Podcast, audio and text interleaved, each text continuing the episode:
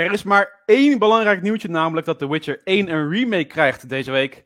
Verder is er gewoon niks te melden, dus dit was de week met XBNL. X gon' give it to you. Fuck, wait for you to get it on your own. Deliver to you.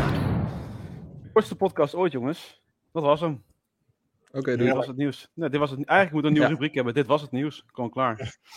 Nee, Ja. die bestaat al, hè? Dat is copyright. Ja, dat is wel zeker waar, ja. Goed. Anyways, luisteraars, kijkers. Eh, welkom uiteraard bij aflevering 229. Klopt dat? Ja, 229. Als een bus. We zitten hier weer met een volle bak op de vrijdagavond. Voor mij is het vrijdagmiddag hier in Buenos Aires. En bij jullie is het lekker warm. En bij mij is het nog warmer. Want bij jullie is het 22 graden. Bij mij is het lekker 33 graden. Dus het is eh, behoorlijk eh, heet Lekker. buiten. Ik heb eh, twee karkastjes veroorzaakt deze middag. Want ik liep op de straat met blote benen. En mensen zeiden denk ik zo van, zo, die zijn wit. Waren gelijk verblind en die gingen tegen de kant aan. Ik dacht, hé, hey, que pasa amigo? Eh, what the fuck? Dus eh, dat is echt eh, niet best. Die gewoon Ja, ik dacht al, heb jij een of andere filter nu ingesteld over je camera? Dat je er gewoon extra Nee, ik wit ben gewoon uitziet? Maar zo dat, wit. Dat is het gewoon. Ik ben gewoon Ja. wit. Ik ben echt heel wit. Ja.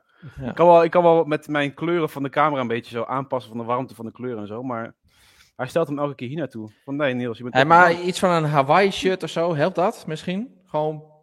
Nee, want dat is Logisch, meestal. Dan is er nog een groter contrast tussen wit en de kleuren. dus dat is. eh, het eh, wordt er niet beter op. Anyways, fijn dat jullie allemaal weer kijken op deze avond. Natuurlijk ook fijn dat jullie allemaal weer luisteren deze podcast. Eh, ik zit hier, je hoort eigenlijk al met de Jeff, Rick, Rick zelfs, sorry, en Renko. Eh, welkom jongens. Eh, er is deze week, er zijn best wel wat nieuwtjes. Eh, leuke dingetjes. Ook eh, ja, de beste nieuws natuurlijk van The Witcher 1, maar daar komen we zo meteen bij terug. En eh, ja, de disclaimer van de week is altijd natuurlijk dat je naar Discord moet komen. Discord is onze gezellige server waar iedereen welkom is, waar we allerlei kanalen hebben voor allerlei games en eh, waar het elke week gewoon weer gezelliger wordt, eigenlijk. Dat was hem. En eh, ehm, voor de rest, uiteraard wil je elke dag het nieuwste nieuws lezen van Xbox, dan ga je naar www.xboxnederland.nl en dan bekijk gewoon elke dag weer eventjes een nieuwtje. Goed, laten we gewoon bij het belangrijkste beginnen. Eh The Witcher 1 krijgt een remake. Nou hadden we twee weken geleden al het nieuws dat eh CD Projekt Red behoorlijk uitgebreid, tenminste, al vrij ver van tevoren heeft aangekondigd waar ze mee bezig zijn. Hè, met de Cyberpunk projecten, met eh, voor mij drie eh, Witcher projecten, waaronder Witcher 4, zeg maar gewoon het vervolg. Of een soort van nieuwe trilogie, denk ik. En vervolgens ehm, eentje die voor mij Canis Majoris heette. En dit was dan uiteindelijk The Witcher remake. Wat houdt deze remake nou in? Het houdt in dat er een echt een compleet nieuwe game wordt gemaakt eigenlijk. Want het wordt helemaal een Unreal Engine 5 opgebouwd. Eh, en dan gaan ze het verhaal van The Witcher 1 opnieuw vertellen. Dan kan ik je vertellen, ehm The Witcher 1 was echt hun eerste game. Dat merkte je in heel veel dingen qua gameplay. Ik weet niet, heb je even, heeft een van jullie het gespeeld, jongens? The Witcher 1? Nee. Ooit? Nee, is 8 of echt eh, drie seconden of zo. Nou, oké. Ehm, en eh nou, was andere, andere gameplay-methode. En het was allemaal wat houteriger. De animaties waren heel slecht. Maar goed, het was natuurlijk een Witcher-verhaal. Dus ik vond het wel erg leuk. Ik ben eigenlijk door The Witcher 1 en The Witcher 2 ben ik de boeken gaan lezen. Toen ben ik helemaal fan geworden. En ja, een Witcher 1 met zeg maar alleen al de graphics van Witcher 3 zou ik al vet vinden. Dus laat staan als ik in de Unreal Engine 5 versie.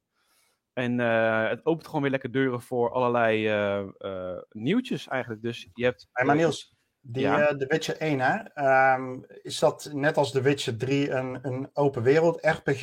Of wat, eh, wat mogen Nee. we daarvan verwachten? Nee, dus het is een goede vraag. Ehm The Witcher 1 is eigenlijk heel erg lineair. Het is wel dat het open gebieden zijn.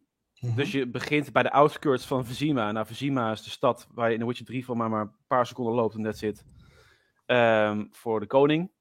Maar het heeft chapters. Dus de hele, de hele game is opgedeeld in hoofdstukken. Maar per hoofdstuk heb je op zich wel gebieden waar je gewoon vrij kan rondlopen. Dan heb je de sidequest en noem maar op. Alleen je kan volgens mij niet echt goed heen en weer. En eh, de verhaalvertelling is ook iets minder interessant dan The Witcher 3.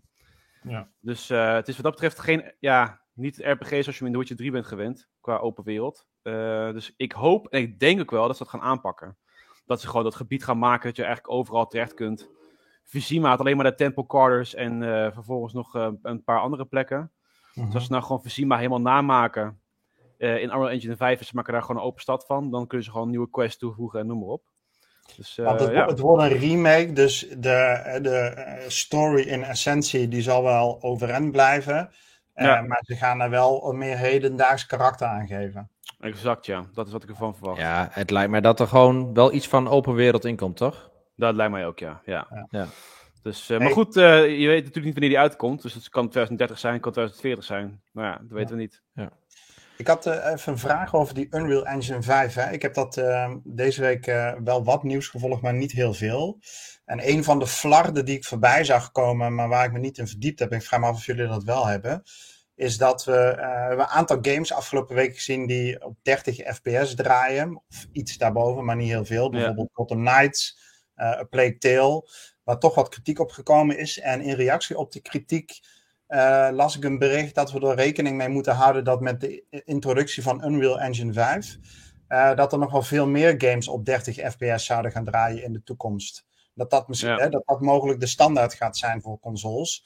Ehm, ik heb daar niet verder naar gelezen, maar het verbaasde mij. Eh, ik ben wel benieuwd hoe, hoe zit dat dan? Waar, klopt dat überhaupt? En, en waarom is dat bij een, dadelijk als we overgaan naar eh, games in Unreal Engine 5, waarom wordt dat dan 30 fps als het al klopt? Hebben jullie Ja. daar iets van meegekregen? Eh, ik denk dat Jeff een Ja. kwestie kan beantwoorden. Maar goed, Ja, het mij gewoon een eh, kwestie van programmeren. Ja, precies. Ja, het verbaast mij ook wel dat. Want eh, dat is niet eh, de associatie die ik ermee heb. Want Unreal Engine 5 zorgt er in ieder geval voor dat graphics beter is, dat eh, rendering een stuk makkelijker gaat, een stuk soepeler gaat. En dat je een beetje de ja, next-gen ervaring hebt zonder de echte heftige raytracing kosten, wat je dan nu ziet. Bijvoorbeeld met zo'n Gotham eh, of zo'n eh, Arkham Knights. Mhm. Maar dat dat gewoon een stukje beter wordt. Dus ik zou juist verwachten, die framerate gaat wel omhoog of die blijft Ja. omhoog op next Eh, het enige wat ik me kan voorstellen is dat er in Unreal Engine 5 een eh, techniek gebruikt wordt die een hogere frame time nodig heeft. Dus die meer milliseconden nodig heeft om te renderen. Eh, gewoon in basis al. Dus misschien dat ze zoiets bedoelen. Dus met, met een van die nieuwe technieken er zitten een paar van die technieken in, zoals Lumen bijvoorbeeld voor de belichting. Ja. Ehm, maar ja, dat, dat ben ik nog niet eerder tegengekomen. Dus misschien dat het iets nieuws is of zo, wat dan nu naar voren komt, waar ontwikkelaars zich zorgen over, zorgen over maken op de consoles. ja. Maar eh, dat is niet iets wat, wat ik eerder ben tegengekomen. Nou, vorige week natuurlijk ook al een beetje over Gotham Knights inderdaad. En dat eh, volgens mij toen gewoon werd gezegd van ja, eh, we moeten voor de Xbox Series S en de X produceren. En dat is voor ons gewoon niet zo makkelijk. Dus we hebben ons vooral een beetje aan de beperkingen van Series S voor mij gehouden. Dus verwacht volgens mij later gewoon een upgrade van Gotham Knights waar die wel 60 fps is. Maar Ja. is gewoon niet op tijd afgekregen voor de release. Ja, dat, dat bleek overigens achteraf niet helemaal te kloppen. Er waren inderdaad twee verschillende devs, onafhankelijk van elkaar, die hebben aangegeven Mhm. dat het best wel lastig is om voor de eh, Series S ehm, eh, games te ontwikkelen. En dan zou je dus onder andere eh, dit soort verhalen krijgen dat games, zeg maar, die moeten dan draaien op de minst krachtigste console en de rest moet dan maar concessies daaraan doen. Maar dat waren Mhm. helemaal geen devs van Gotham Knights. En Ah. eh, Oh ja, nou. ja, wa- waren des van eh, nou, een of andere simulatiegame waarvan ik de naam niet eens ken, eh, die ook volgens mij helemaal niet bekend is. Ehm, er zijn natuurlijk zat games die op de Series S in eh 1440p 120 fps draaien. Ik denk dat eh, een van de beste voorbeelden is misschien wel Ori and the Will of the Wisps. Ja. Wat, wat, je, wat je daar op je beeld getoverd krijgt met die eh, Series S, dat is natuurlijk gewoon grandioos. Ja, ja. is een voorbeeld. Gotham Knights hè, bijvoorbeeld draaide ook gewoon, eh, ook op de Series S best wel gewoon redelijk oké. En er zijn zat voorbeelden, Cyberpunk, die op de Series S uiteindelijk ook, ook stabiel draait. Ehm, nou goed, ik kan nog allerlei andere games opnoemen. Even. ja. Dus Hier zijn een paar dat is wel gedebunked, om het maar zo even te zeggen. Siri heeft ook een mening. Ja, Ja, Siri en, eh, de mond houden. Wat eh, Evil zegt, die eh, vraagt zich af. Ach ja. Eh, dat, ja, dat hele FS, eh, FSR gebeuren. eh, dacht dat het een goede upscaler moest zijn die de FPS bevordert. En dat is het eigenlijk ook. Dus Mhm. het is ook een goede upscaler die de FPS bevordert. Ehm, maar ja, het biedt nog niet dezelfde vooruitgang als dat DLSS dat bijvoorbeeld ook heeft. Hey, Rob. Rob. Hey. Is die ook bij hoor? Kijk, Wat, Hey. eh, nou, is het gewoon de hele squad gewoon compleet hier. Nou, dit is niet normaal, jongens. Wat een, wat een mijlpaal dit. Dat kan gewoon. Kan Ben ik te gewoon. horen ook? Zeker. ja, en je bent te horen. Ja. Nou, Top, dat is ook wel lekker. dat is ook wel lekker. Nice. ja. nice. Hoe is het, nice. mannen? Nee, Ja, helemaal goed. Hier in Buenos Aires. eh, gewoon, eh, we zullen een beetje small talk doen in de podcast, jongens. Nee, ja, nee ja, maar... ja. we hadden het net over eh, het hele FSR gebeuren. Tenminste, een technisch verhaal van Jeff. Uiteraard weer. Dus wat dat betreft niks veranderd. Maar... eh, en eh, dat sommige games op de nieuwe generatie 30 fps zijn alsnog. Terwijl jij eigenlijk verwacht van deze generatie dat het 60 fps is.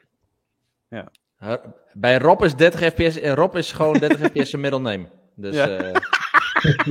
Ik opereer 30 Nee, ik, mijn ik, leven. ik neem dat voor lief. Maar ja, er kwam toch nu een patch uit of zo, die dat allemaal, eh, dat schokkerige allemaal zou oplossen. Ja, ik heb er niet zoveel last van gehad. Ik heb Ah, Nee. Nights waar iedereen over klaagt. Ik heb geen, misschien eh, omdat mijn brein eh, op 30 fps werkt, dat zou best kunnen. dus ik zie maar die, komt er een patch voor die dan? schokken Voor niet. Arkham Knights.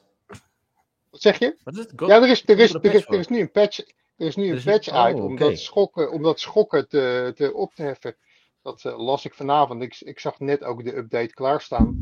Eh, Ja. De Xbox. Maar is dat een Dus, eh, performance update? Of is dat gewoon een update die eh, iets betere performance moet geven? Of Ja, een hele mij om de, om, de, om de klachten op te lossen. Om, eh, Ah. Omdat iedereen zo klaagt over allerlei dingen. eh, hebben ze denk ik daar wat getweakt of gerotzooid. Zodat Ja. dat eh, nu gaat werken. Hé, maar Rob, eh, heb je het belangrijkste nieuws van deze week meegekregen? Dat er een remake komt van The Witcher 1? Ja, ja, ja. Tuurlijk heb ik dat meegekregen. Dat is toch werelds. Hey! Potverdikkie. Medestander, Ja, dat- yes! Dat verbleek toch alle andere dingen heel uit. Oh, dank je. Bedankt voor deze bevestiging inderdaad. Ik kon hem eigenlijk al afsluiten gewoon de podcast bij gelijk de eerste Kan je, zin. Kan je wel 26 keer gaan racen in Forza Horizon of Forza Motorsport voor de 600ste keer op diezelfde gebieden. Maar de Witcher, joh, dat is toch... Ah, Ja. ja, ik, ik, ik Ja, kijk er inderdaad. ontzettend naar uit dat die gaat komen. Ik ben heel benieuwd wat ze daarvan gaan maken. Volgens mij moeten ze hem van de grond af eh, opnieuw gaan opbouwen. Ja, Dat zeker. kan Ja, ik, bijna niet anders. ik had hem artikel ook al gezegd. Ze gaan trouwens samenwerken Ja. met uh, Fool's Theory, een andere Poolse studio. Ja, En had ik eh, gelezen. dan gaan ze denk ik ook gewoon de animaties overzetten. Want die animaties waren gewoon echt heel erg lelijk toen in Witcher 1. Dus ik neem aan dat ze wel assets van The Witcher 3 gaan gebruiken. Maar goed, het wordt natuurlijk Ja. Unreal Engine 5. Nou ja, Eh, dus gewoon nieuwe misschien wordt dingen. het ook alweer, ja, precies. Misschien wordt het ook al juist weer helemaal nieuw gemaakt. Dus, eh, eh, Hey, trouwens, Ja, maar hoe zat het- Ah, Hoe zat het nou met die HD remake van The Witcher 3 dan? Want die nou, is dat is helemaal van de grappig dat je het zegt. Dus eh The Witcher 3 current gen version, dus hè, de huidige generatie krijgt een update. En die wordt nog steeds, is nog steeds gepland voor Q4. Dus die kan gewoon in de komende twee maanden wordt die gewoon gereleased. Dus eh, er is alleen nog geen datum. Dus het is echt nog Ja, gewoon, want eh, was, is on track. was, was een of ander gerucht toch, eh, dat er tijdens een of andere iets aangekondigd zou worden. Tijdens, nou ja, voor mij in dit geval die- Twitter heeft alleen The Witcher heeft getweet van, iemand vroeg van, yo, speaking of which, is er nog iets over The Witcher 3 bekend van de next gen update? En dan zegt The Witcher, soon. Ja, ja, ja. Oké. Ja, ja, dus eh, nou, goed. Helder. eh, ik denk dat dat. eh, je zou eigenlijk verwachten dat The Witcher is nu 15 jaar oud dit jaar. En eh ze hadden dus inderdaad laatst waar ze neer eigenlijk alle dingen, allerlei dingen uit de doek hebben gedaan, dat ze dan ook dat zouden aankondigen van jongens, jullie kunnen wel nu de update spelen van Witcher 3. Maar nee, dat is nog steeds niet eh, duidelijk wanneer dat komt. Hey, en over patches en updates gesproken, hè? ik zag inderdaad eh, daar Falcon in de chat eh, eh, F1 Manager noemen. Nou las ik daar een eh, persbericht van, van die ontwikkelaars. En dan kijk vooral ook even Renko en Jeff aan hoe we dit nou moeten duiden. Maar die game die is natuurlijk twee maanden uit. Jullie hebben die fanatiek gespeeld. En eh, ze hebben aangegeven dat de, de laatste patch ehm, eh, wordt doorgevoerd. En dat ze daarna die game, zeg maar, allerlei reports en dat soort dingen nog maar tot, zeer, tot een zeer beperkt minimum gaan ondersteunen. Omdat ze al hun resources voor het vervolg willen gaan inzetten. Dus ze stoppen met eh, ja, het, eigenlijk het verder ondersteunen van deze game. Dat was de conclusie. en dan vroeg ik me af van ja, is dat, ik bedoel, loopt deze game ook als een zonnetje en is dit ook prima? Of is dit, is het niet een beetje voorbarig? Ja, weet je, de, de, er zit een. eh, deze game op zich, hij speelt, eh, hij speelt prima. Eh, de controls zijn, zijn soepel, eh, het doet wat het moet doen. Ehm, ja, er, er zitten wel wat problemen in, maar dat zijn vooral dingen waarvan ik denk, volgens mij moet je dat gewoon allemaal in een nieuwe game opgelost. Precies, En met ja. name AI-gerelateerde dingen. Oké. Dus ja, Ja. dat, dat, dat ze Ja, ik- stoppen met support. Het is niet dat die game gewoon niet, niet draait. Maar eh, ja, er, zitten wel dingen in die voor verbetering vatbaar zijn. Maar ja, zoals ik zeg, in een nieuw, eh, nieuw deel. Ja, deze ontwikkelaar kennende, want dit is dus ook de ontwikkelaar van eh, Elite Dangerous en zo.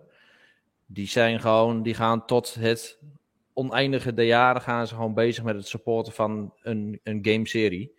Dus eh, dit is echt niet van, we, we, we hebben onze cash hebben we binnen en we gaan door met ons leven. We gaan weer wat nieuws doen. Nee, Mhm. dit is echt wel verbetering van de franchise. Nou, wat Renko al zegt, er va- valt ook wel wat te verbeteren, die AI en zo. Ehm, ook aan die eh, rendering engine, daar valt ook nog wel wat, eh, valt ook nog wat, wat leukere dingen van te maken. Maar al met al, wat er nu staat, is gewoon echt een hele goede game en gewoon prima. Ik, ik heb ook het idee dat ze de afgelopen maanden hebben gebruikt om een paar dingen nog glad te strijken. Dus ook een paar AI-zaken nog wat, eh, wat beter te maken. En ehm, ja, prima. Dus eh, zet nu gewoon de resources in op de nieuwe serie. En eh, volgend jaar weer een mooie grote update. In plaats van een FIFA met een, een ja, alleen maar een content patch. Ja, en Ivo die vraag, is dit een van de jaarlijkse games? Wat ik uit dat persbericht begreep, is dat dit is de eerste in een reeks eh, van een contract van drie games. Dus ehm, ja, of dat jaarlijks gaat zijn, dan vul ik maar even in dat dat zo is. Dus dat zal dan wel een F1 eh, Manager 2023 gaan worden. Maar er komen er nog drie. Oké, Ja, nou sorry, ja, dat is het, op zich eh, goed nieuws. ja. Nee, ik vind echt eh, wat ze nu al hebben neergezet. Dus echt petje af hoor, voor die ontwikkelaars. Gewoon uit niks, out of the blue, gewoon de hele game. Met eh, wat super volwassen al aanvoelt. Ja. Dus als ze dit kunnen doorzetten naar die volgende twee games, nou dan, eh dan komen we Hey binnen. jongens, ik, ik, ik vind het een eh, mooi bruggetje. Net werd FIFA genoemd. Ik dacht van ja, we kunnen wachten tot we bij de rubriek komen van de vraag van deze week. Maar we kunnen hem ook gewoon gelijk erin gooien. Want er een vraag van Jas NL deze week voor de podcast. Er was een gerucht dat IE zou stoppen. En dat is natuurlijk ook van het Rob nu is aangesloten. Want die heeft er voor mij altijd wel een sterke mening over. Er was een gerucht dat, dat IE zou stoppen met de verkoop van, of de verkoop van discs. Wat vinden jullie ervan? Goed idee, slecht idee. En bij een slecht idee, hoe kijken jullie dan tegen de duurzaamheid aan? De grondstoffen om die dingen te maken kost heel veel, terwijl het gros voor het grootste deel van de tijd niets ligt te doen. En hoe zit het dan met de editions en blablabla? Dat dus. Even voor nu de vraag. Dus wat als ze zouden stoppen met de disc? Zou je dat oké vinden? Dat ik van, nou ja, weet je, eh, ik wil toch liever elk, elk jaar weer een disc waarbij ik kan installeren en eh that's it. Ja, Ja, ik weet niet of je nou Rob aansprak. Ehm, eh, Rob, wil jij reageren? Want anders wil ik daar wel Oh ja, ik, zeggen. wil, ik heb er een hele sterke mening over. Ik vind het echt kul als Ja. ze daarmee stoppen. Op dit moment is het echt nonsens. Kijk, op het moment, ik heb altijd gezegd, op het moment dat zij eh, digitale eh, games een tweedehands waarde gaan geven, waar toen ook een keer sprake van was dat ze dat misschien wel zouden Mhm. gaan doen, eh, dan wordt het een ander verhaal. Maar zodra jouw game waardeloos wordt op het moment dat je hem uitgespeeld hebt en er niets meer mee kan, vind ik het echt onzin dat ze eh, dat, ze dat eh, ja, tegenover digitaal gaan zetten. Want digitaal is, fysiek houdt gewoon een bepaalde waarde. Misschien niet veel, maar het houdt een waarde. En dat ligt er maar aan hoe snel je het verkoopt. Maar als je bijvoorbeeld verhalende games neemt. Als ik nu Gotham Knights op disc zou hebben en ik zou die nu gaan verkopen omdat ik hem uitgespeeld heb. Nou, dan weet ik 100% zeker dat ik er eh, rond de 30, 35 euro voor krijg. Ja, Ja. het- voor een digitale game kan ik hem gewoon leuk in mijn bibliotheek laten staan, maar ik kan er geen kloten meer mee. En dat vind ik Ja. gewoon echt waanzin. Dat vind ik echt onzin. Je, je games worden waardeloos op het moment dat je hem digitaal gekocht hebt, is de waarde nul geworden. Dan is hij in je bezit en dan kan je er geen kloten meer mee. Dus ja, ik, ik ben absoluut, zolang ze daar niks op verzinnen, ben ik absoluut tegen het, eh, het stoppen met discs. ja. Ja. ja In ieder geval zegt iets heel het, eh, terecht trouwens. Hè? FIFA op disc of niet op disc is per definitie niks waard. Good game. ja, sorry Renko, ga verder. Nee, eh, ik, ik sluit me daar, eh, daar helemaal bij aan. Eh, en daar komt nog bovenop dat die digitale games zo achterlijk duur blijven het hele jaar door. Dat is ook nog een tweede punt. Die houden maar, d- d- d- d- dat, dat houdt maar gewoon de adviesprijs. En dat wordt dan eens in de zoveel keer krijg je een keer een, eh, een deal. die, die eh, in de eerste Ja. 6, 7 tot 9 maanden geen kloten voorstelt. Dan krijg je Nee. 10% korting. Nou, dat slaat echt nergens op. Dan liggen ze op disc liggen ze in de winkel al bijna voor de helft van de prijs. En dan geeft eh, Xbox geeft dan nog even een deal waar er 10 of 15% van de adviesprijs afgaat. Neem een Ja. Call of Duty nu, die staat op 79,95 in de digitale store. Die kan je op disc al voor rond de 65 euro, gewoon in Nederland, kan je die op disc al voor 65 euro, 66 euro kan je die aanschaffen. Dat is ook best wel prijzig. Maar ik weet zeker dat als de eerste korting komt, nou, dan gaat er 10% van 79,95 af. Nou, daar hou je 72 euro over. Dat is over een half jaar. Dan liggen ze voor 39,95 op disc in de winkel. Ja, precies. Ik vind het echt, zolang ze daar geen kloot mee doen en altijd maar die, die, die adviesprijzen blijven handhaven en daar niks aan veranderen, ook door de jaren heen niet. Ik zie games van vijf jaar geleden. Als die gewoon eh, niet in een deal zitten, wordt er gewoon 69,95 voor gevraagd. ja. Ja. Nou ja, dat. Sorry hoor, maar Ja. ik mis dat totaal. Ja, nee, ik ben het daar ook echt absoluut mee eens. En eh, dus dat is de ene kant. En de andere kant is dat de verzamelaar in mij, die wil ook gewoon die discs hebben. Hè, Ja. Dus eh, goed, nou snap ik dat dat misschien niet voor iedereen geldt, maar ik wil in ieder geval de keus hebben. En het Mhm. derde punt, en dat geldt ook voor mij, en ik denk voor sommigen van jullie ook. eh, op het moment dat je alleen maar digitaal kunt aanschaffen, naar mijn weten, schaf je digitaal op één account aan. En eh, dan kan ik wel Ja. op mijn Ja, hoofd-Xbox absoluut. hè, het zo instellen dat mijn nevenaccounts van de kids bijvoorbeeld daar ook op kunnen. Maar het is niet zo dat, eh, dat ik even een schijfje mee kan geven en hier ga jij deze game maar even lekker boven spelen. Klopt. Ja. Eh, of naar de buren, hè, neem maar mee naar je neefje, weet ik veel wat je daarmee wil doen. Het is gewoon beperkt, gelimiteerd tot één console, tot één Xbox waar dan dat account op staat. En eh, ja, dat vind ik wel een ja, versobering eigenlijk van, ehm, van wat, je met een, ja, wat je eigenlijk zou kunnen doen met een, met een game. Dus EA heeft aangegeven, nee, deze geruchten die kloppen niet. Hè, want het zou gaan om EA-games in eh, Duitsland, eh, Oostenrijk en eh, Zwitserland. Dat ze in specifiek die landen eh, geen disc meer willen uitgeven. Eh, en ze hebben aangegeven van nee, dat hebben we nu nog helemaal niet gecommuniceerd of dat is niet zo. Ehm, dat gaat dus waarschijnlijk wel gebeuren, denk ik dan, EA kennende. Ik ben daar niet blij mee. Vind ik Maar dit is toch gewoon een kwestie van tijd. Ik bedoel, of je het nu wil Nee, of niet roep- wil. Nee, Kijk, dat roepen jullie nu al vijf jaar lang. Ik geloof er geen kloot van. Zolang de hele Ja, maar wereld. niet- zelfs. niet- Ja. Zolang je geen supersnel internet over de hele wereld hebt, zal dit niet gebeuren. Want ze gaan hun eigen klanten naar de kloten lopen helpen. Er zijn genoeg gebieden in, in de wereld, zelfs in Europa gewoon, die geen supersnel internet hebben. En die als ze een, een, een game moeten gaan downloaden of, of eh, op online moeten spelen, altijd online moeten spelen, die gaan al de mist in. Die lukt, dat lukt gewoon niet. Dus ja, dit, dit gaat echt niet Nee, maar- gebeuren. Voorlopig niet. Nee, voorlopig niet inderdaad. Dus het is, eh, ik, het is echt een kwestie van tijd dat het gaat gebeuren. De vraag is alleen van wanneer. Maar ik eh, vind het wel een opvallend bericht nu al. Ik denk dat ze zichzelf echt in de voet schieten als ze dit gaan doen. Ja. Of er moet trouwens zo'n systeem komen waarbij je ook gewoon digitale games kan verkopen aan een ander. Misschien Ja. met blockchain technologie later of zo. Ja, precies, dat soort dingen. Maar ja, gewoon makkelijker. daarvan denk ik ook van, ja, weet je, als, als er op een gegeven moment, het is, blijft een kwestie van vraag en aanbod.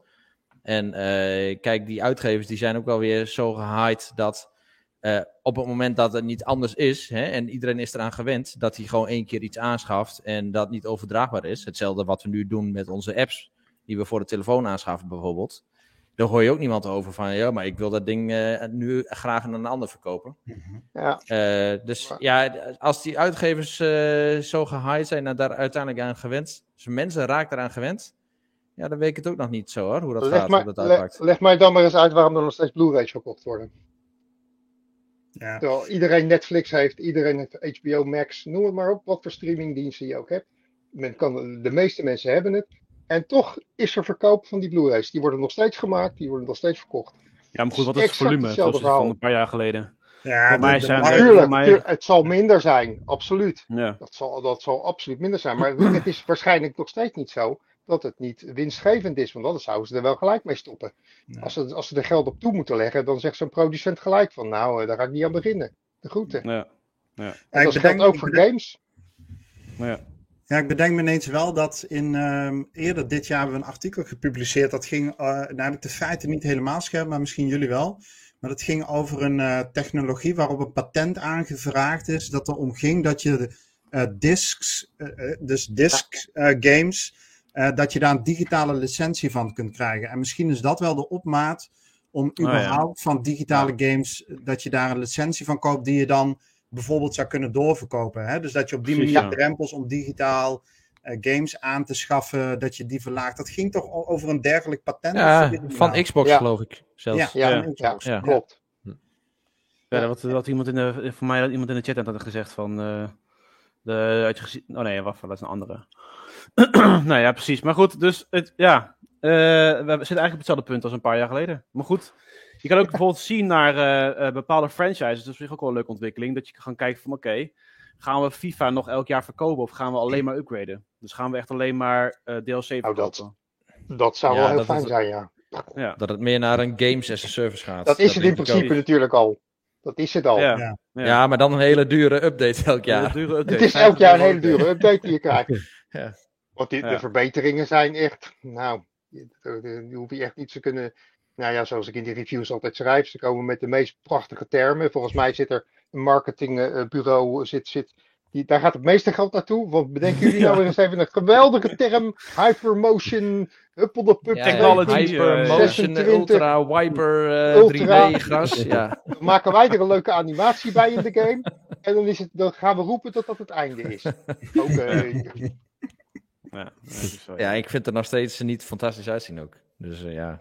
Wat trouwens ook een nadeel is, als mocht je internet uitvallen, je kan ook gewoon niet meer gamen. Hè? Het is ook gewoon gelijk klaar zonder. Ja. Het is gewoon echt zo van, ja, jammer dan. Nee, we kunnen geen connectie maken met de server, dus ik kan niet checken of jij dat ook echt bezit. Toedeledokie, Oké, ehm, toch even door naar het volgende onderwerp, want eh, op zich is het wel een hele interessante discussie, kunnen we uren over doorlullen. Eh, we zaten in de hoek van eh, remakes, van updates, en nu is er ook een update van Fallout 4, jongens. Fuck yeah, de game die al zes jaar oud is of zo, en... die krijgt en nu de rest? een eh, 4K upgrade met eh, waarschijnlijk 60 fps voor de Xbox Series S en X. Of S en X. Dus En dan PC die animatie is PS5. compleet opnieuw getekend. Denk het niet. Nee, ik denk, dus ik denk dat het gewoon een beetje zoiets is van oké, het dankjewel, doe er niks X- mee. Het zijn Xbox 360 graphics. Dus Ja, dan echt kan hoor. je 4K neerzetten. eh, Maar Klopt. Je kan het upgraden, maar zijn die, die textures nog meer uitgesmeerd. Nee, op zich zullen er wel Nee, betere maar textures dit is- inkomen, maar dat zit. Dit, dit is toch een, oh een ja, meest anticlimactische Oh. nieuws wat je maar kunt... eh, Oh, nee, mooi. dit is een oud filmpje. Oh. Dit volgens mij is Oh, het ik wou- ik wou zeggen, het is bijna fotorealistisch, bijna. Bijna. Nee, maar Voor de volgens mij is het gewoon hetzelfde wat ze, wat ze met Fallout 76 hebben gedaan. Dat gaan ze nu ook weer, want dat is allemaal dezelfde engine. Die update die gaan ze Helaas. gewoon nu weer terugbrengen naar Fallout 4. Wat gewoon geen ene kut voorstelt. Nee, het is nog steeds echt wel. eh, het was destijds toen hij uitkwam al verouderd. En nu is het Ja. eh, nog helemaal eh, lijp. dus nou goed, we hebben helemaal niks aan. Maar voor de mensen die nog steeds Fallout 4 willen spelen, ondanks de 15 versies, dan kan je lekker aan de gang. Ehm, een ander nieuwtje. En dat was ehm, Rocksteady. Dus de co-founders van Rocksteady. Dat zijn er twee. Dus er zijn er meerdere, maar de twee gaan weg van de studio. En eh, nu hebben we natuurlijk eh, afgelopen eh, maand hadden we Gotham Knights. Maar Gotham Knights, ondanks dat veel mensen denken, is geen Rocksteady-titel. Nee. Dus echt, de Arkham-serie is de grotendeels gemaakt door Rocksteady. Behalve Origins, die is gemaakt door Warner Brothers. En ook deze studio is gemaakt door Warner Brothers. Dus het is niet de kwaliteit van Rocksteady, maar goed, desalniettemin. Rocksteady had een, eh, een, een paar, ja, voor mij workplace culture problemen met sexual harassment of wat andere klachten. En eh, allegations. En eh, nu eh, zijn zij in ieder geval weg. Ze is van ja, goed, we zijn niet meer nodig. Er komt natuurlijk een game aan voor Rocksteady. Daar wachten we al jaren op. Het is Suicide Squad Kill the Justice League. Die komt als het goed is volgend jaar de lente uit. Nee, maar jij, jij bent wel redelijk met die studio belegd. Is dit nu goed nieuws of is het slecht nieuws? Dus is het goed nieuws voor cultuur? Of is het slecht nieuws dat er een paar hele goede Nou, mensen weggaan? Ik dacht, misschien is het wel gewoon een soort van voorbode voordat Microsoft gaat gaan overnemen. Zo van, oké, wij willen alleen maar bedrijven waar we echt gaan werken aan die workplace culture. Eh, deze mensen moeten weg voordat we die overname gaan aankondigen of zo. Weet ik veel, zoiets. Dat is een Maar beetje heb een je een- aluhoedje hoek hoor. Ja, ik net zeggen. Dus dat is gewoon puur op je eigen eh, Ja, ja, ja, ja, ja. onderbuikgevoel. Maar goed, ik zou zeggen zelf, ik, ik, ja, kijk, ze zijn niet meer nodig, die co-founders, voor bijvoorbeeld de ontwikkeling van Suicide Squad. Dus wat dat betreft is het niet per se nieuws dat het dan gelijk de Suicide Squad een achterstand oploopt of eh, problemen heeft. Eh, ja, ik weet, niet, ik weet niet echt wat hun, verder hun invloed is in het bedrijf. Of het puur papier is, of toch een grote vinger in de pap wat betreft het maken van de nieuwe games. Het, het verkrijgen van licenties. Dus ik weet het niet. Ja. Hm. Ik weet wel dat ik, hun voorgaande games erg, heb, erg van heb genoten. Sterker nog, het is ook heel erg leuk dat Gotham Knights nog steeds wordt vergeleken met Arkham Knight. Arkham Knight was natuurlijk destijds gewoon een dijk van een game. Met echt enorm bizarre graphics voor die tijd. En eh, het feit dat Gotham Knights nu wordt mee vergeleken, dat is ook wel eh, wat waard. Maar goed, tot zover even nieuws eh, tussendoor waar we eigenlijk niks mee kunnen, maar toch gezegd hebben. Ja. Ehm, door naar eigenlijk misschien wel een verlengstuk van net met de discs, of tenminste dingen over prijzen.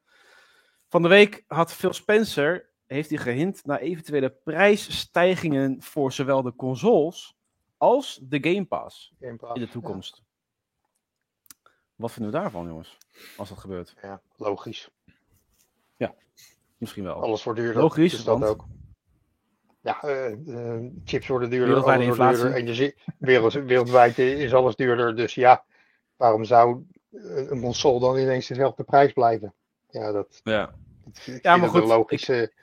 Ik zeg dat omdat we natuurlijk eh, afgelopen weken behoorlijk hebben gebashed op zeg maar, een Sony die gewoon eh, de, de PlayStation 5 even gewoon onaangekondigd of in één keer zegt van nee, die is 50 euro eh, duurder nu ineens. Maar ja, nu gebeurt dat misschien met onze eigen console ook wel.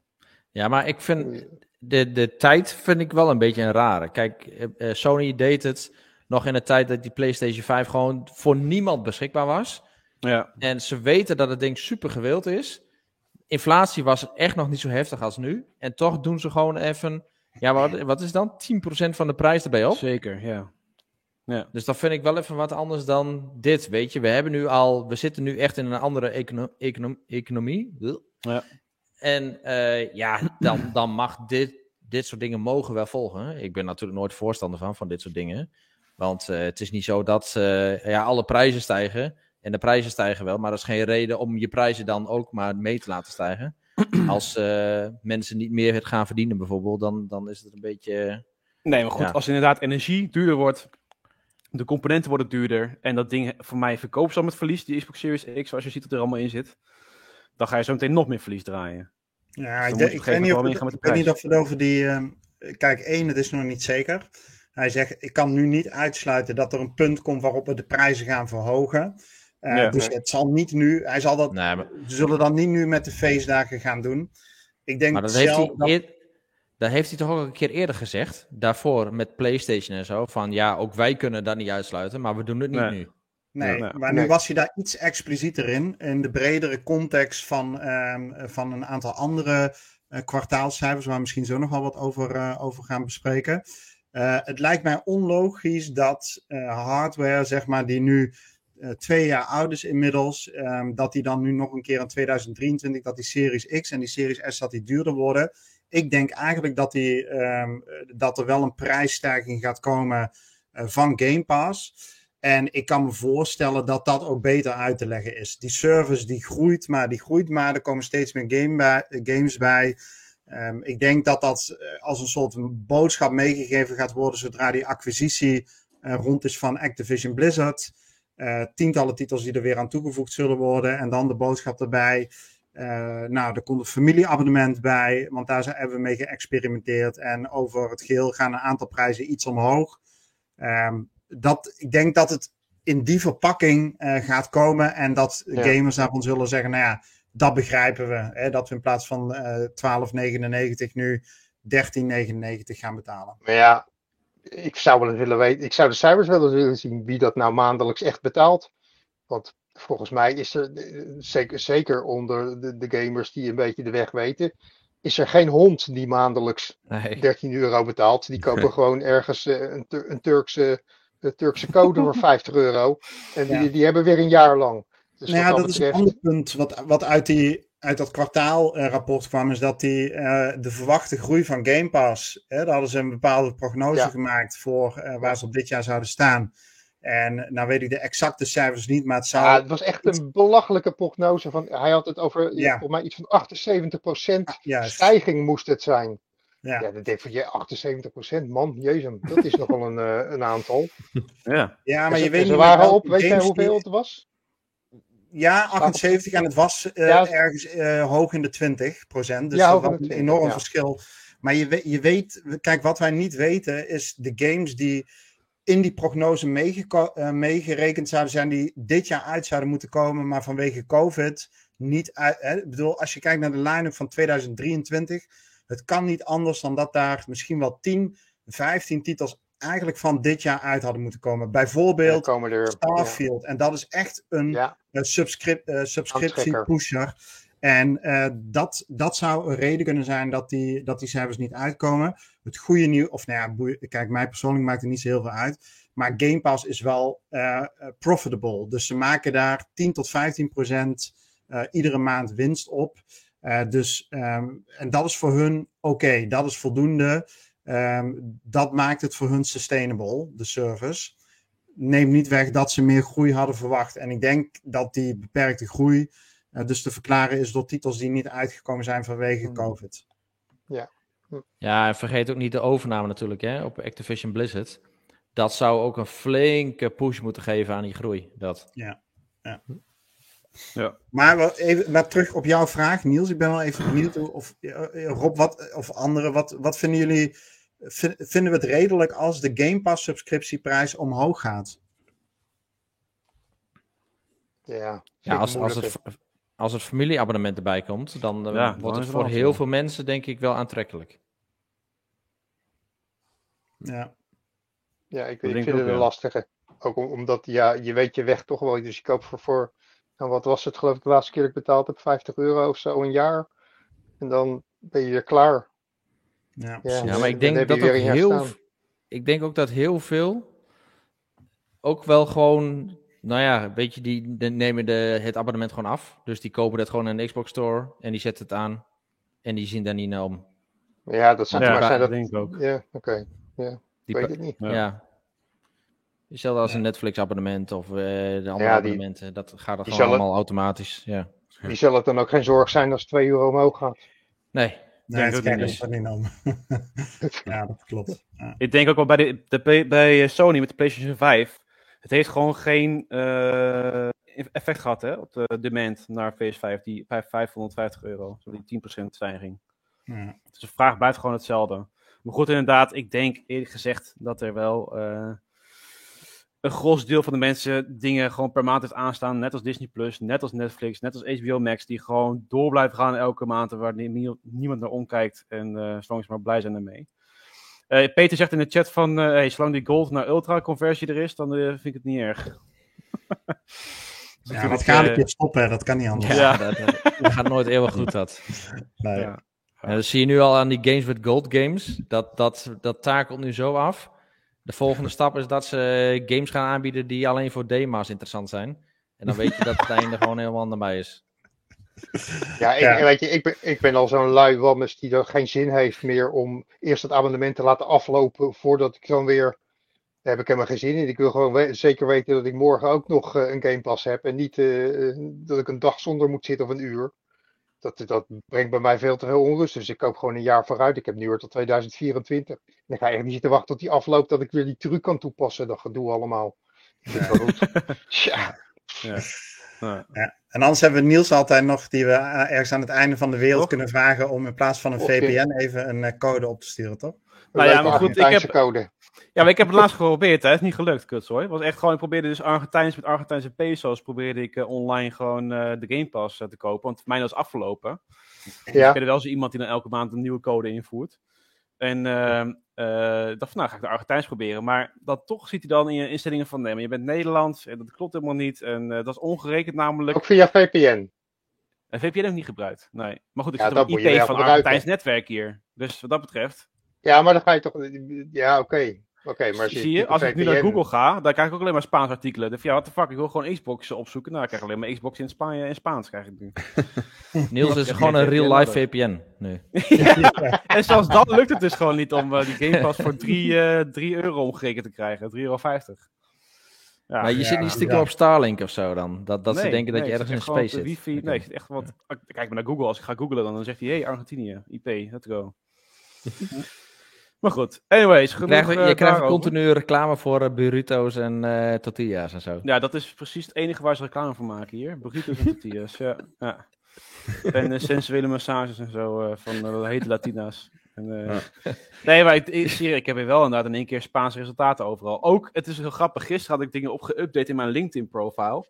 Krijg ik in één keer allemaal fucking aanbiedingen van jobs hier in Argentinië. Dus van, oh, maar hier is nog een content creator nodig. Oh, daar is ook nog wel een content specialist nodig. Jongens, ik ga niet werken hier. Ik ben al aan het werken hier. Gaat toch niet Dus, werken. eh, ja, ik ga dat niet in Argentinië een baan aannemen voor eh, een, een tros banaan aan het einde van de maand. Nee, grapje. grapje, grapje, grapje. Zeg Jongen, joh, wat een Nederlander is het ook, hè? Ja, die Sorry, Ik had er niet... eh, Hij zit, hij zit er nu twee weken en denkt, denkt nog steeds dat iedereen daar in bananen betaald wordt. Het is toch hopeloos die jongen. Hij begint op een Amerikaan te lijken, die denken dat ook allemaal. Ja. Is het simpel. Ja, ja. nou, ik, ik, mijn, de helft van mijn groep is Amerikaans. En die, voelen zich Ja, ook wel, eh, die zeggen ook van, die, we zijn ook een beetje ignorant. Want we zien dat mensen hun best gaan doen om Spaans te praten. Komen bijna met ons Engels van, nou, je moet maar gewoon Engels praten, klaar. Zo simpel hebben ze het ook gewoon een beetje in de opvoeding, wat dat betreft. Ja, die Maar kennen goed. maar één taal, joh. Ja, maar goed, is ook gelijk de belangrijkste taal. Maar goed, nog. Ja. Een beetje moeite doen voor de plek waar je bent, kan ook wel, ja. Anyways, guys. eh, tot zover dat. Een paar random eh, nieuwtjes. Bijvoorbeeld Age of Empires 4 en Age of Empires 2 komen naar de Xbox. Eh, voor mij volgend jaar. Ja, mag ook wel een keer, hè? Dat, jongen, jongen. ik ben toch benieuwd hoe dat gaat werken. Je hebt natuurlijk al games als. City, eh, City eh, werkt voor geen Builders. Nee, met die Ja. controller. Ik vind al die spellen die, die je eigenlijk met een muis moet spelen en dan met een controller gaat spelen. Het is altijd gekloot. Ja. Ik vind het gekloot. Die, die cities, dat, die wil nog wel redelijk. toch? Maar voor de rest is het eh, inderdaad niet... eh, ja, een Halo Wars hebben ze het ook wel redelijk goed gedaan. We hadden het laatste Maar keer over met die, met die, met die kingdoms. Die eh, chiv, chiv- was dat? Nee, niet chivalry, maar die, die kingdom. Dat je. Ja, Crusaders. eh, Ja, Crusader precies. Kings. eh, Oh, ja, ja, wel, dat Crusader Kings. Ja. is niet te spelen met een, met een controller, joh. Ja. 6000 menus. Ja, maar Ja. Crusader King is ook wel echt inderdaad een menu-heftige game wat dat betreft. Dat, ik, ik Ja, vind ja. is nog iets minder, maar... Sowieso kut, ja. eh, sowieso. Nee, maar echt eer- eerlijk waar. Een game waar je eerst gewoon door eh 60 menus heen moet voordat je eens een keer wat gameplay hebt. Dat is sowieso kut. Maar dit is Ja. ook, want dan moet, je, dan moet je hier moet je allerlei, tenminste daar ga ik een beetje vanuit, allemaal, allemaal ene, eenheden gaan aanklikken. Die moet je dan ook Ja. kiezen, dan moet je gaan omcirkelen. Jezus, dat is gekloot, man. Dat, ik, Ja. ik heb ook zo'n game van de tweede, waar die in de Tweede Wereldoorlog, die op hetzelfde Ja, Ik zit altijd te kutten om al die, al die eh, units bij elkaar te krijgen. En dan vergeet ik Ja. er weer één, die blijft dan liggen. maar weet je, misschien voor de mensen die eh, geen goede PC hebben en gewoon eh, een eh, muis en toetsenbord kunnen aansluiten op een eh, Xbox, is wellicht een eh, oplossing. Dat is wel een die idee. ja. support heeft hij voor mij wel gewoon, dus eh, wat dat betreft kan je daar wel Age of Empires 4 in volle glorie eh, spelen. Dus dat is fijn, jongens. Dat is fijn. Ehm, ik zal eens even kijken of we nog een andere... Hebben we nog wat random vragen tussendoor? Oh ja, en je vraagt van wie een Flemma? Loop je al warm voor de nieuwe co-op game Darktide? En hebben jullie ook al beelden daarvan gezien? En Darktide is volgens mij een Warhammer titel. eh, waarvan we volgens mij dit jaar hadden gezegd... Hé, dat ziet er wel leuk uit. Moeten we misschien gaan spelen met z'n allen. Volgens mij was het een beetje een horrorachtige co-op game, toch? ik, ik, ik, Dat klopt. ik, ik durf het je Gaat niet geen zeggen. lamp branden. Nee. Ja, ik, ik heb de trailer wel gezien, maar ehm, Ja. ik heb geen idee. Ik weet het niet. Ja. Nou, ja, dat dit zal zijn ik, van die eh, Warhammer games, hè. Dus elke eh, drie maand komt er weer een nieuwe Warhammer game uit. ja. En eh, Wel die verschillende ontwikkelaars. allemaal onder de radar. Maar het blijkt toch allemaal best wel goed gewaardeerde games te zijn. Dus Mhm. misschien dat wij allemaal net niet in die franchise zitten of zo. Maar er is gewoon echt een hele grote groep die dit, dit soort games speelt. Maar Ja. dit is dan een co-op shooter. Ja, vier players. En ik vind ja. met, ja, met co-op shooters gewoon ja, eentje die eh, nog geen bekende serie is. Is het natuurlijk maar de vraag van hoe goed speelt hij. En dat draait, of het valt of staat, gewoon echt met de feeling. Van voelt het Ja. goed aan.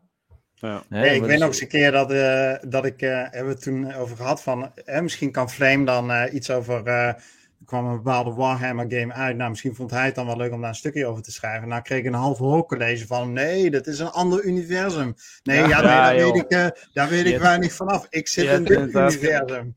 Ja, toen moest ik al heel veel Warhammer voor de case, ja. Dat is echt Ja, wel, ja. eh, dat is wel een dingetje. Dat klopt. Ja. Oké, eh, volgende vraag is weer van Jas NL. Zijn jullie ook zo teleurgesteld dat Amsterdam in het echt mi- er minder mooi uitziet dan in, Modern Warfare 2. De terrasjes zijn netter, de planten staan er beter bij en er zijn veel, heel En de veel minder hoeren, fietsen en de hoeren zijn mooier. De hoeren zijn mooier in de game, er liggen geen zwervers in de game, je ruikt geen wiet, what the fuck. Ja,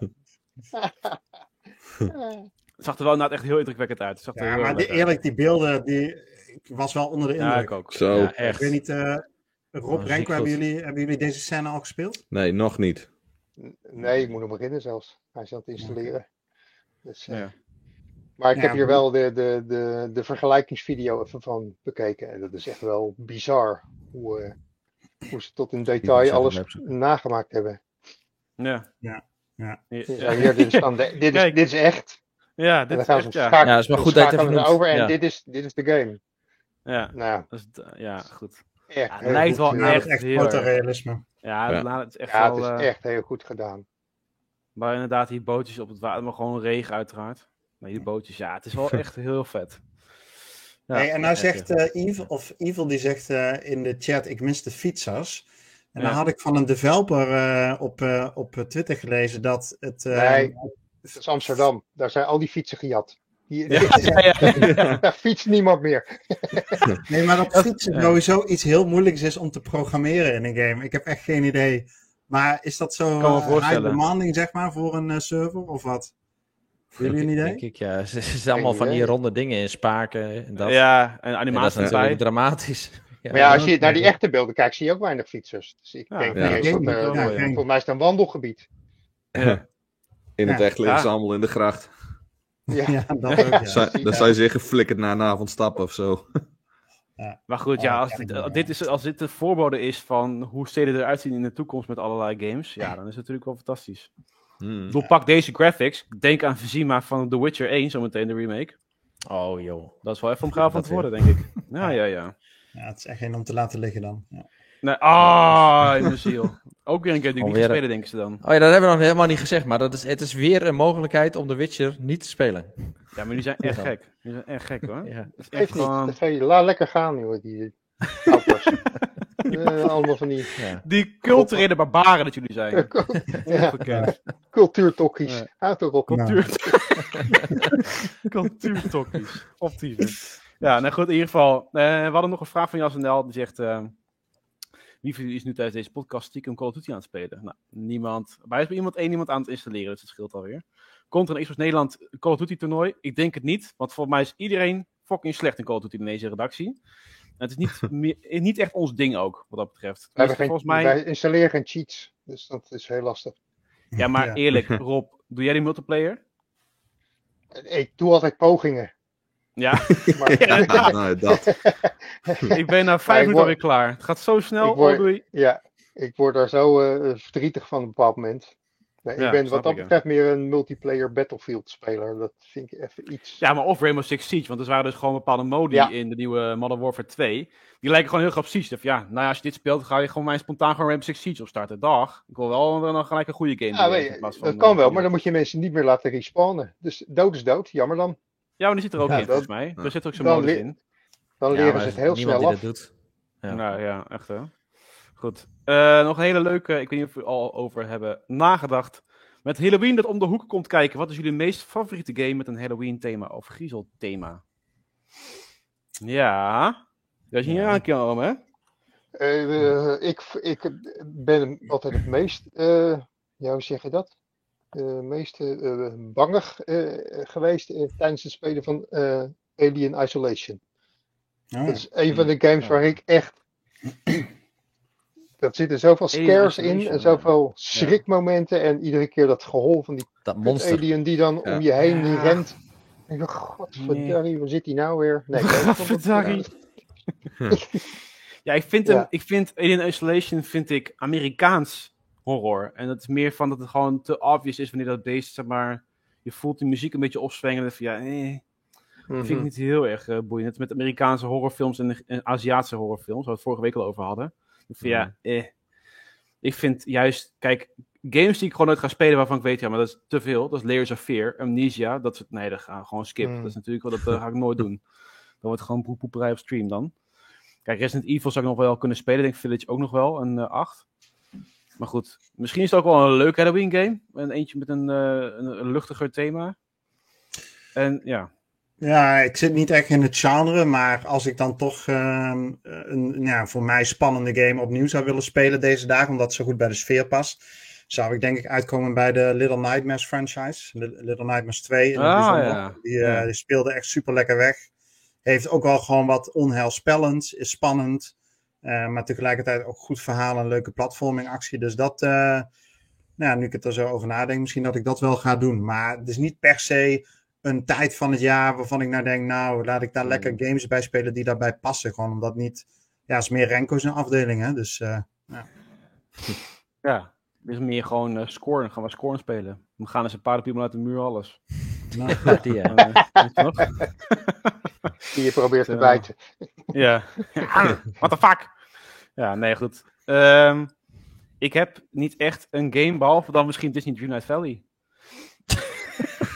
die maar planten. De, de horror. Ik heb- Mouse, man, man, man. Ik heb mijn eigen pompoenpoederij, dus ja, dat eh, is toch wel, eh, dat is toch behoorlijk eh, Halloween. Maar is Maar er, is er want dat in, in. Minecraft Dungeons is er een Halloween thema nu. In Oh, ja. Sea of Thieves, Trick Overal, or ja. Treat. eh. In. Extraction, in eh, Ja. Rainbow Six Siege. In het, ze hebben weer alles uit de kast gehaald. Die onzinnige dingen. Ja. Allemaal weer een gek maskertje op. Gaat helemaal nergens over. Nee, ik zou eh mijn groene andere games die nog eh eventueel Back for Blood met horror is natuurlijk wel leuk om te Ja hoor, daar staat hij. Wat? Tussen zijn pompoenen. Ja, hier, kijk, dat bedoel ik. Oh, jee, jee, ja. Is dat dan gewoon mijn female character? Nee, grapje, ik heb geen female character. Ehm, The Evil Within is nog een van de horror game. Inside zie ik hier voorbij komen. En eh Dead by Daylight en Prey. Ja, dat is wel een goeie. Allemaal Hey, trouwens, over Inside gesproken. Die ontwikkelaars van Inside en Limbo, die, eh, eh, die werkten toch aan de game Somerville. Daar hebben we heel lang niks van gehoord. Maar Ja. die komt dus gewoon 15 november uit. Nee joh, blue. Ja joh, Oké, what the fuck? 15 november, over twee weken. Drie Oké, weken. nou, wat is ja, de versie ja. dan? Luisteraars en kijkers, zet het in je fucking agenda, Ja. zou ik zeggen. Ja, die, die- volgens mij zagen we die niet afgelopen E3-periode, maar de E3-periode daarvoor. Ja, klopt ja. Het En, zag er heel erg eh, leuk uit. Zag er echt fantastisch uit. En we weten natuurlijk dat Inside en Limbo, eh, ja, pareltjes. Ik bedoel, het zijn games van eh, bijna tien jaar oud, als ik me niet vergis. Eh, twee generatie consoles terug, maar ja, die spelen nog steeds super lekker weg. En ja, dit is van twee van dezelfde ontwikkelaars.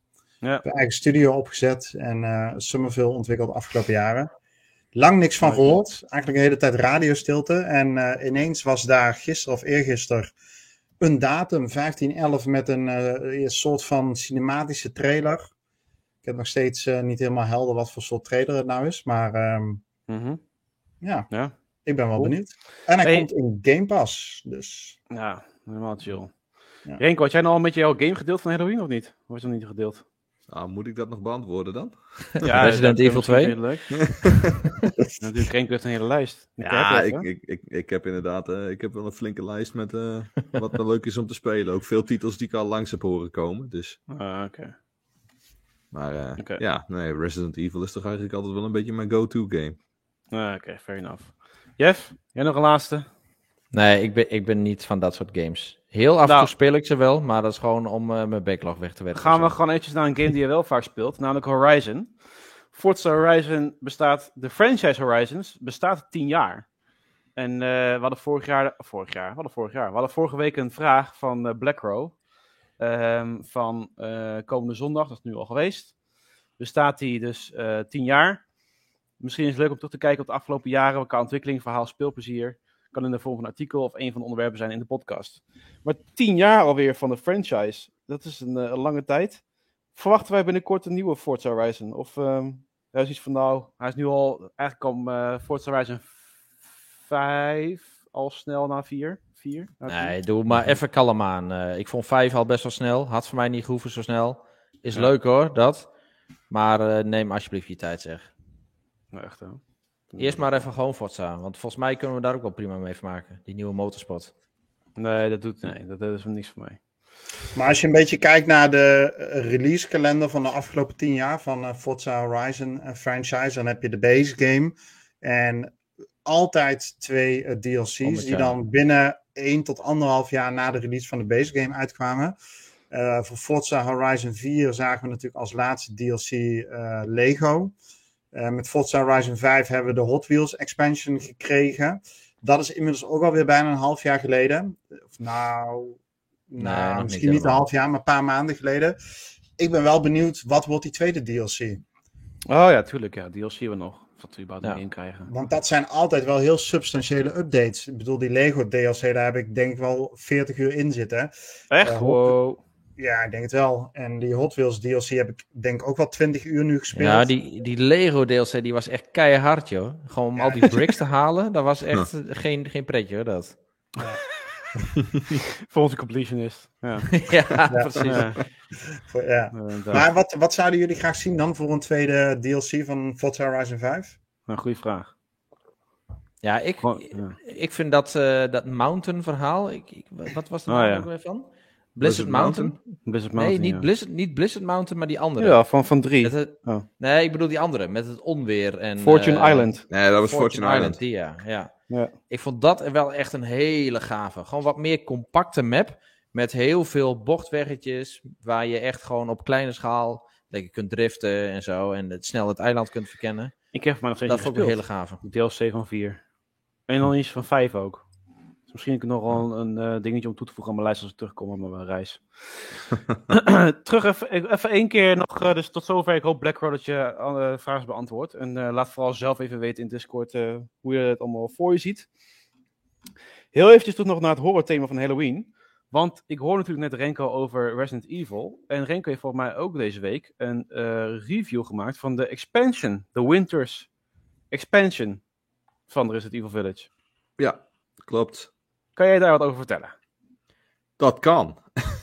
En dan niet in een half Nee. uur, maar even vijf minuten. Ah, Oké. Eh, story content, mercenaries update en een derde persoons camera. Echt? Oh, Ja. dat is wel Nee, dat. eh, eh, je hebt natuurlijk die, die, die story DLC, ehm, Shadows of Rose. Ja. Ro- Rose als in het dochtertje, waar je dan in de hoofdgame naar op zoek bent. Ze is inmiddels jong volwassen. Mhm. En ehm, ze probeert een, een normaal leven op te bouwen. Ehm, maar dat wil niet zo goed, want zij heeft van die, van die, ja, van die vreemde krachten. Eh, dus iedereen bestempelt haar als een, eh, als een freak. Dus zij wil heel graag van haar powers af. En nou is eh, een van die collega's van Chris Redfield, die, eh, die neemt op een gegeven moment contact met haar op. Die zegt van, joh, ik heb een theorie over hoe je daar vanaf zou kunnen komen. Moet je alleen naar een heel creepy huis gaan. Het lijken In en de zo. kelder. Ja. Ja, nee, dat, dat niet eens. Ehm, Oh. ehm, Veel kaarsen. ze hebben in. eh, ze hebben toen aan, eh, aan, het, aan het eind van, van Village hebben ze. eh, nou ja, eigenlijk gewoon de bron van alle ellende. Hè? Die, die, die Mega dus een soort grote schimmel. Eh, daar hebben ze een sample van genomen. En die neemt eh, herinneringen op van eigenlijk alles en iedereen die ermee eh, in contact komt. En eh, zij kan met haar powers, zeg maar, intunen op die herinneringen. Dus, dus zij duikt Ah, eigenlijk gewoon in, ja. in de, de, de, de herinneringen die er in die schimmel opgeslagen zitten. Nou ja, dat levert gewoon een hele hoop creepy shit op. ja. En, Het is wel goed eh, uit, ja, als die beelden zo zie. Ja, zeker. Het is, het is gewoon van hetzelfde niveau eh, als, eh, als de hoofdgame. En die zag er gewoon echt heel, heel goed Ja. uit. En Ja. dat doet dit ook. Eh, het, is, het is redelijk compact. Alhoewel ik moet zeggen dat ik hem toch wel een stukje langer vond dan ik had verwacht. Ehm, het, ja, het, het, speelt gewoon goed. Het, is, eh, het zit, zit goed in elkaar. dus eh, Ik, kan, ik, kan, ik heb ook geen filter. Ik kan, niet, ik kan, ik kan niet niet zeggen. Gewoon Dead Sea Set. Ik kom deze, tijdens deze reis met een groep waar ik mee reis ook. Tijdens Project Steve, Dead Sea Set. Ja, altijd. Ja. Sorry, ga verder, Renk. Ja. Ja, nee, dus ja, dat, eh, eh, ik, ik, vind, eh, ik vond de, de, de, story content ik vond het iets minder sterk dan, eh, dan, dan de hoofdgame, maar eh, ja, desalniettemin wel, wel heel gaaf. En, Ja. en hoeveel uur content, Renko? Nou, ehm, toen ik hem uitgespeeld had, toen gaf hij aan dat ik er 3,5 uur mee bezig geweest ben, maar eh, in real life ben ik er toch echt, eh, echt wel iets langer mee bezig geweest. Dus Ja. een uurtje, of- uurtje vijf, vijf tot zes uur denk ik. En voor de prijs van? Eh, durf ik even niet uit mijn hoofd te Nee, zeggen. want ja, natuurlijk ben je ook bij de Gold Edition nog steeds, of niet? Ja, Ja, ja, ja. Dus dat Ja. zit nog gewoon in je Season Pass. Maar goed. Ja, en daarnaast, eh, daarnaast heb je de Mercenaries. Nou, dat, dat is ook al een aantal keer eh, teruggekomen in Resident Evil. Eh, Het is gewoon een kwestie van in bepaalde tijdspannen zoveel mogelijk monsters kapot schieten en zo hoog mogelijk scoren halen. Ja. Ja, ik, ik vind het niet heel erg bij de game passen, maar desalniettemin wel, wel een vermakelijke modus. Ja. En, eh, en nou ja, je ziet er nu in de beelden, eh, voor degenen die met ons meekijken, dat eh, eh, je hebt een derde persoons camera. Wat, eh, wat nieuw is in Resident Evil Village, want die was vanuit het eerste persoons perspectief. En de hoofdgame is nu ook vanuit de derde persoon eh, te spelen. Maar doet dat nog iets met. eh, eh, want in. ik- goed, ik heb Resident Evil Village niet uitgespeeld. Maar ik Mhm. vind altijd de kracht van vanuit eerste persoon dat je toch iets meer eh, verbonden en in die wereld voelt. Eh, dus het kan wat meer beangstigender zijn. Wat Ja. denk ik ook de kracht van deze franchise is. Hoe is dat als je dit in, eh, in third person speelt? Nou, dat is eigenlijk precies wat je, wat je nu aangeeft. Je wordt, je wordt iets meer buiten de ervaring getrokken. Je hebt wat meer overzicht van wat er om je heen gebeurt. Dus dat stukje spanning valt al, valt al weg. Ehm, Ja. En ik vond daarnaast, ik, ik, ik vond het er onoverzichtelijk van worden. Ehm, je merkt gewoon dat deze game niet gebouwd is eh, om in derde persoon gespeeld te worden. Het ziet er hartstikke goed uit. Het werkt ook wel. Alleen eh, voorwerpen die in de wereld verstopt liggen, die zie je vanuit eerste persoon beter dan vanuit derde. En dat vond ik in de combat ook. Mijn personage stond eigenlijk altijd in de weg. Ja, ja. Maar is, Dus, het, eh, is het een optie of is het een... Het is Ja, een optie. Ja, nee, nee, nee, het, is, het is een Ah, optie. Je, je kunt kiezen of je, hem, eh, of je hem in first of in third person wil spelen. Maar dat geldt Ja. alleen voor de DLC. Nee, Of de, DLC, dat- de DLC is eh, gewoon standaard eh, in derde persoon. Eh, de Oh, hoofdgame heb je nu de keuze of je hem in eerste persoon of derde persoon wil spelen. Oké. ja. Hey, ehm eh, blablabla. We hadden net nog natuurlijk over horror games en nu Resident Evil. Eh, er komt volgens mij binnenkort eh, de Callisto Protocol aan, toch? Of is het pas volgend jaar? Nee, Ja, 2 van- december. Oh, joi, joi. Eventjes, even En, eh, me even en, te binnen. En Renk is natuurlijk nu ook bezig met een andere horror game, The Chant. Klopt. Oh ja. Maar daar zit een embargo op tot 3 november, dus daar mag ik nog niks over zeggen. Ah, Backhouder. Oh, Dus. dus daar zijn we niet mee bezig. Nee, daar zijn we dus niet mee bezig. Niks gezegd. Nee, Maar nee, hij is er nee. wel mee aan het spelen. Daarom. Ja, Dat dan wel. maar we mogen niks zeggen. Ja. Hey, mogen nog en nog even terug, terugkomend op eh, de prijs. eh, De, de, of, eh, de, de Falcon, sorry. Je zegt in de chat 20 euro voor eh, DLC. Eh, goed, ik denk als je de andere DLC ook wilt, moet je gewoon een Season Pass kopen. Eh terugkomend op de patch ages van Gotham Knights aan het begin van deze podcast. eh, er is inderdaad een patch onderweg. De larger performance patch komt later. Dat is niet deze. Ja, dus precies. verwacht nog niet eh, alles eh, ge- gefixt. En ik zag iets wat Rob eventueel wel leuk vindt ook. En wat ook best wel interessant vindt. eh, of interessant lijkt voor deze franchise. Hitman 3 krijgt een freelancer update. Had je daar al iets van meegekregen Rob of niet? Helemaal niks. Nee. Oh, nee, dus eh, Hitman 3 krijgt een brand new game mode volgend jaar. Dat heet Freelancer. En dat is een roguelite modus voor Hitman. Oké. Dus, dan ga je, dus dan ga je inderdaad levels doen en dan waarschijnlijk weer opnieuw dingetjes doen, waardoor je steeds beter wordt. Van, nou, op zich toch wel een, een leuk dingetje natuurlijk voor, eh, voor de franchise om te gaan verkennen. Ja. Dus eh, ja, ik zal hem zo meteen even bij de redactie gooien. Dus lees je als luisteraar en kijker uiteraard later meer over op onze website xboxnederland.nl En ik Oh. denk dat ik hem even hierbij hou voor wat betreft nieuws, want we hebben best wel veel al gehad. En ehm, ik denk niet dat ik iets ben vergeten of wat dan ook. We hebben natuurlijk nog DLC van Steel Rising. We hebben een nieuwe trailer gehad van Redfall. Zou ik zeker eventjes kijken eh, op de website. Wat dat betreft was alleen maar belangrijk deze week dat The Witcher 1 wordt geremaked. Ehm, er is ook nog wel een leuke trouwens een de custom eh, Xbox Series X voor Playtale Requiem. was eh, Ja. behoorlijk eh, imponant. Ja.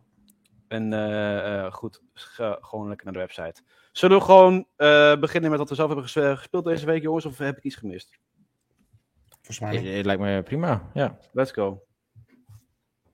Gooi er maar in. mee.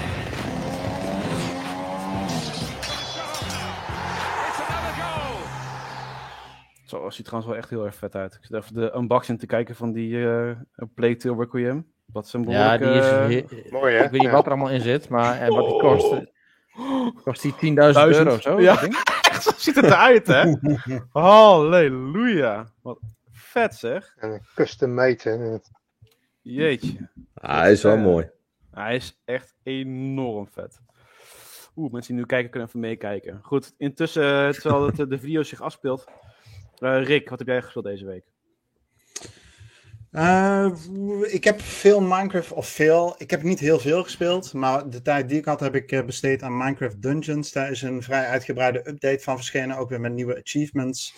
Aantal leuke dingen, onder andere de Tower, die, of nou, de Tower, dat is een event in Minecraft Dungeons. Die kon je voorheen in je uppie spelen, als enige Mhm. event niet in multiplayer. En daar hebben ze nu multiplayer mode aan toegevoegd. Ja, Ehm, samen met Evil, eh, wat ook in de, eh, wat, onze moderator, eh, wat achievements lopen sjouwen. En ik moet er nog twee, die zijn, ja, dat zijn gewoon grindy achievements die aan het seizoen verbonden zitten. En dan, eh, dan hebben we die ook weer complete en ik vermaak me daar prima mee. En ja. wat wij zeggen, Jeff. Nou, ik zit gewoon te kijken naar die video van Jeff. Waarbij hij een unboxing laat zien van die console waar we het net over hadden, een Plague Tale. En dan Ja. komt op het moment dat, dat die Xbox eruit gaat halen, gaat hij overswitchen naar Minecraft Dungeons. Wat is dit voor fucking anticlimax op het beeld, jongen? Ja, daar moet je maar de website voor checken. Niels. ja, oké, je hebt gelijk. Je hebt gelijk. Ik dacht, nou, laten we even lekker lopen hoor. Ja, heel goed, heel goed. Nee, nee, sorry. Ga verder. Ja, en verder eh, eh, hebben wij natuurlijk met elkaar heel veel Grounded gespeeld. Grounded Ja, jouw naam eh, is ook Ladybug nu. Ja, Ladybug en Grounded Nelis voor degenen die eh, luisteren en het dus niet zien. Zie je onze namen in beeld. Maar eh, ja, Grounded, ja, het, sinds die release eigenlijk, die eh, full release een aantal weken geleden, eh, ben, ben ik samen ook met jullie die game weer gaan spelen. En ik vind het echt fantastisch, man. Ik vind Ja. zo'n mooie wereld die ze daar gecreëerd hebben, hè, waar je twee jaar geleden na drie, vier uur had ik in ieder geval toch een beetje het gevoel van ja, oké, is dit het nou? Hè? De wereld ziet er goed uit, maar het moest overduidelijk nog gevuld gaan worden. Zeker, nou, ja. missie geslaagd afgelopen twee jaar.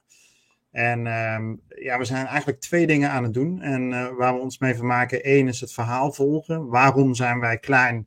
En eh, waarom zitten er bepaalde objecten in de wereld, zoals bepaalde Ja. laboratoria, onder water, boven water, in bomen, enzovoort, enzovoort. Dus dat geheim proberen we eigenlijk te ontrafelen.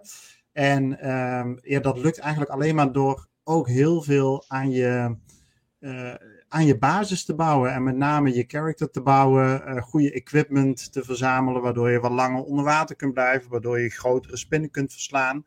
Op een gegeven moment gingen we met de wolfspinnen aan de slag. Nou had ik een beetje het idee van dat ik een Souls-achtige game aan het spelen was. Ja. Ja, dus eh, qua, qua, gewoon qua atmosfeer, maar ook qua eh, gewoon wat het van je vraagt als speler. Dus ja, ik, ehm, ik, ja, ik ben er nog lang niet klaar mee. Dus eh, dit eh, wordt een game eh, om nog een tijdje zeker te blijven spelen. Als ik één minpunt zou noemen, en dan laat ik het verder ook erbij, vind ik hem ietsje te zwaar aan de survival kant. Dat mag bij mij wel ietsje minder. Ik vind dat mijn equipment net iets te snel kapot gaat. Als we onder water gaan, vind ik dat we net iets te snel weer moeten zorgen dat we eh, boven water moeten komen, anders ga je dood. En dat trekt mij wat uit de beleving van gewoon lekker die wereld verkennen. Want daar is gewoon heel Mhm. veel te zien. Eh, en ik ben dan, word dan net iets te veel afgeleid van oh, mijn, eten, eh, mijn wapens. Dus dat, Ja, en dan, dan hebben we al op mild staan ook, hè? en eigenlijk zou daar nog een niveautje onder moeten zitten of zo. Ja, of dat ze dan nog wat beter balanceren. Voor mij Ja, is het. Het is niet erg genoeg dat ik ermee stop, want dat heb ik soms wel bij survival games.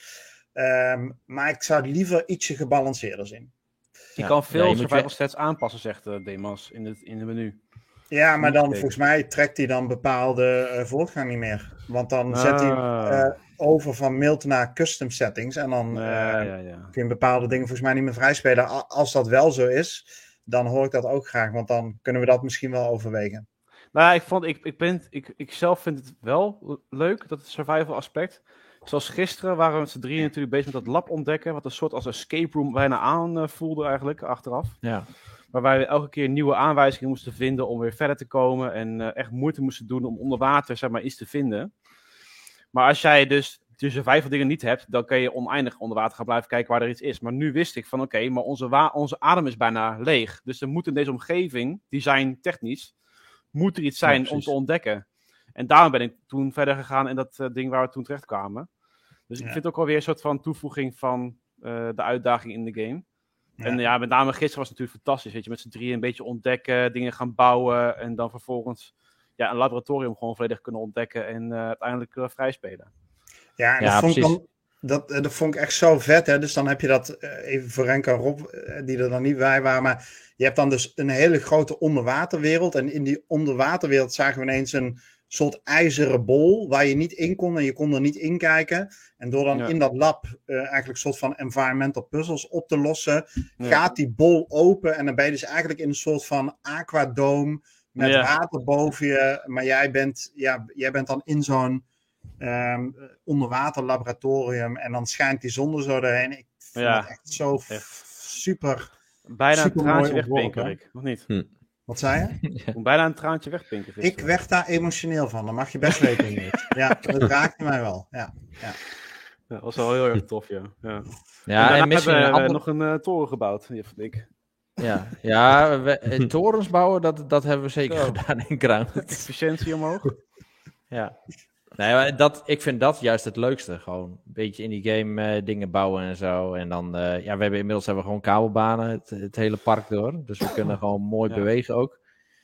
En eh, ja, er valt ook gewoon best wel veel te ontdekken. Dus gewoon qua content zit er elke keer wel iets verrassends. Dan kom je weer net een tandje verder of je wordt net wat sterker, waardoor je dus verder kunt verkennen. En dan loop je daar weer tegen nieuwe dingen aan. Op een gegeven moment hoor je weer zo'n zo'n zo'n ding piepen. Dus dan weet je van, oh, er is hier ook iets in de buurt. Ga je ook weer ontdekken. Ja, die game die houdt je gewoon bezig.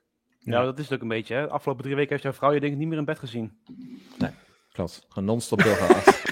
gewoon, eh, gewoon eh, kom ik in bed? Ja, kom zo. Twee uur later, Ja. drie uur later. Oh ja, wacht, half twee. nou, wat was het? Zit 50 uur zit er al in. Of 50 dagen zit er al in. 50 dagen, ja. 50 dagen draait die server al, ja. Ja. Ik dacht van eh, 50 dagen gameplay van Jeff alleen al. Maar goed. Ja. Anyways. Maar, Eh, en, en als ik nog mag eh, toevoegen, dan dus één minpuntje, denk ik, voor de consolespelers. Eh ik kan hem wel lekker op de PC spelen, dus dat is wel fijn. Dat is gewoon met dezelfde werkplek. Maar op de console is hij net even wat minder. Dus ze hadden, hem- ze hadden nog wel wat dingen kunnen doorvoeren om het op de console ook gewoon, eh, te- ja, inderdaad, te fine-tunen. Aight. Nog andere games? Anders gaan we door Nee. naar de volgende. Jeff? Nog andere Ja. games gespeeld? Eh, Formule Alleen 1 Grounded. eh, manager. En eh, Ah. ik ben daar eh, inmiddels kampioen. Ik moet het Je seizoen was nog er gewoon klaar mee, jongen. Ja, en eh, voor de rest grounded. Oké. Renko? Jij nee. Ehm, nou ja, vooral Resident Evil afgelopen week voor de review. Ehm, ik probeer nog steeds om God of War uit te spelen voor de nieuwe uitkomst. Oh ja. Cool, ja. Ik had over een paar en eh, ja, Volgende nou, week, dat hè? is Bijna. Eh, 9 november uit mijn hoofd. Ja, ja, ja. Dus eh, ja, nog iets- anderhalve week. ja. Nou ja, dat, eh, dat was het.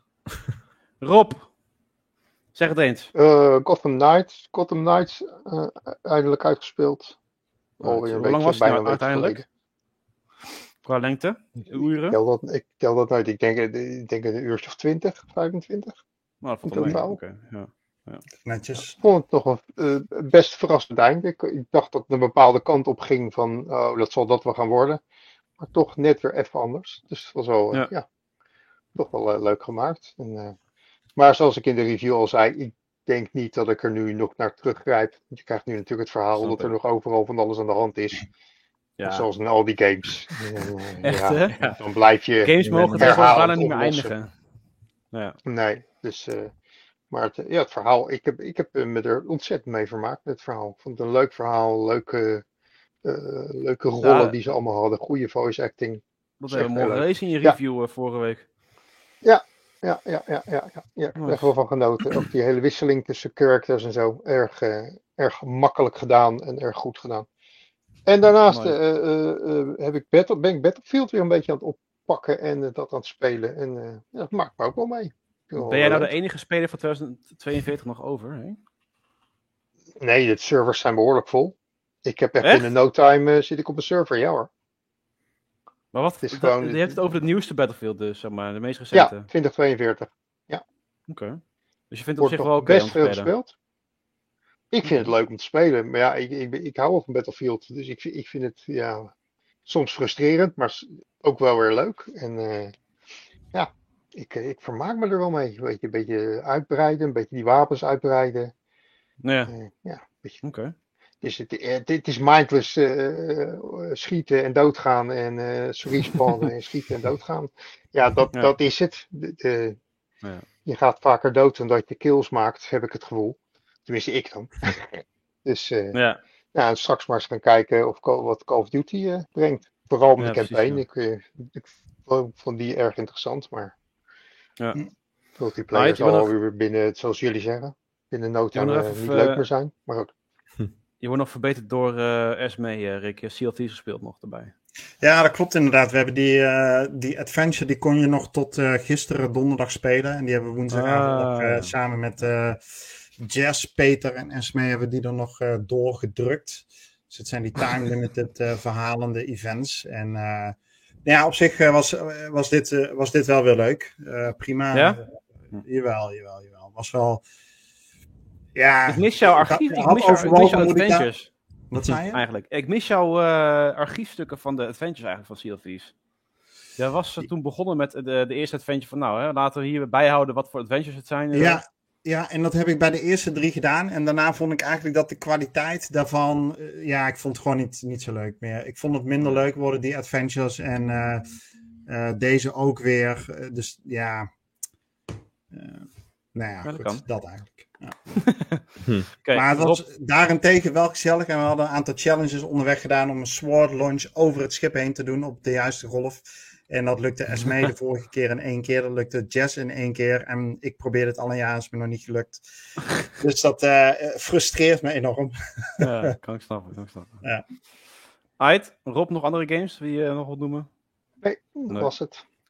Ik heb Hey, alleen ik Grounded zie eh eh, Picnic die vraagt nog hoe gaat het met je kostcap, Jeffrey? Kost, Zeg mij zo niet wat, maar ik ga ervan uit dat het een of andere building cap is in Grounded. Nee ik in, eh, Nou, in F1 de F1 manager. Formule 1 zeker. Ja, ja. Oh, Mag, Geen mag er niet overheen kijken, boete. nee. Maar even serieus, ik, ik weet niet wat het is met die kostcap, maar ik ben er nog nooit tegen aangelopen. Ik, zit niet. er al vier seizoenen in of zo. Ik kan non-stop gewoon Dat heb ik ook, joh. researchen wat ik wil. Moet je toch eens met Update Horner gaan bellen hoe die dat dan doet. Ja, Ja, echt. ja, de hele dure catering heeft hij geloof ik. Ja. nice. Oké, nou jongens, eh, ik, heb, ik heb zelf alleen maar Grounded gedaan, eh, twee uurtjes of zo, en dan that's it. Eh, ik kom niet heel veel aan gamen toe hier. Ik moet zeggen dat ik ook niet heel erg geneigd ben om naar een game te grijpen als je ziet wat er allemaal gebeurt hier eh, elke dag weer eh, aan dingetjes. Dus eh, we zullen zien eh, dat mijn backlog, die staat zich alleen maar op, denk ik, op deze manier. Maar goed, we zien het allemaal wel weer. Eh, ik had in ieder geval wel tijd om eventjes een, eh, een artikel te schrijven over eh, The Witcher 1. Was het belangrijkste van deze week, dus wat dat betreft. Goede score.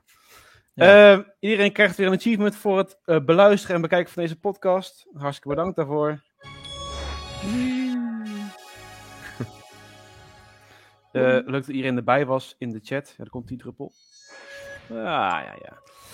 Eh, leuk dat iedereen erbij was in de chat. Dat jullie hebben meegedaan, en meegedacht en meegereageerd. En dan wens ik iedereen een heel fijn gameweekend. Nieuwe gameweek. En dan zien we als het goed is volgende week gewoon weer terug. Ja. Bye bye. Later.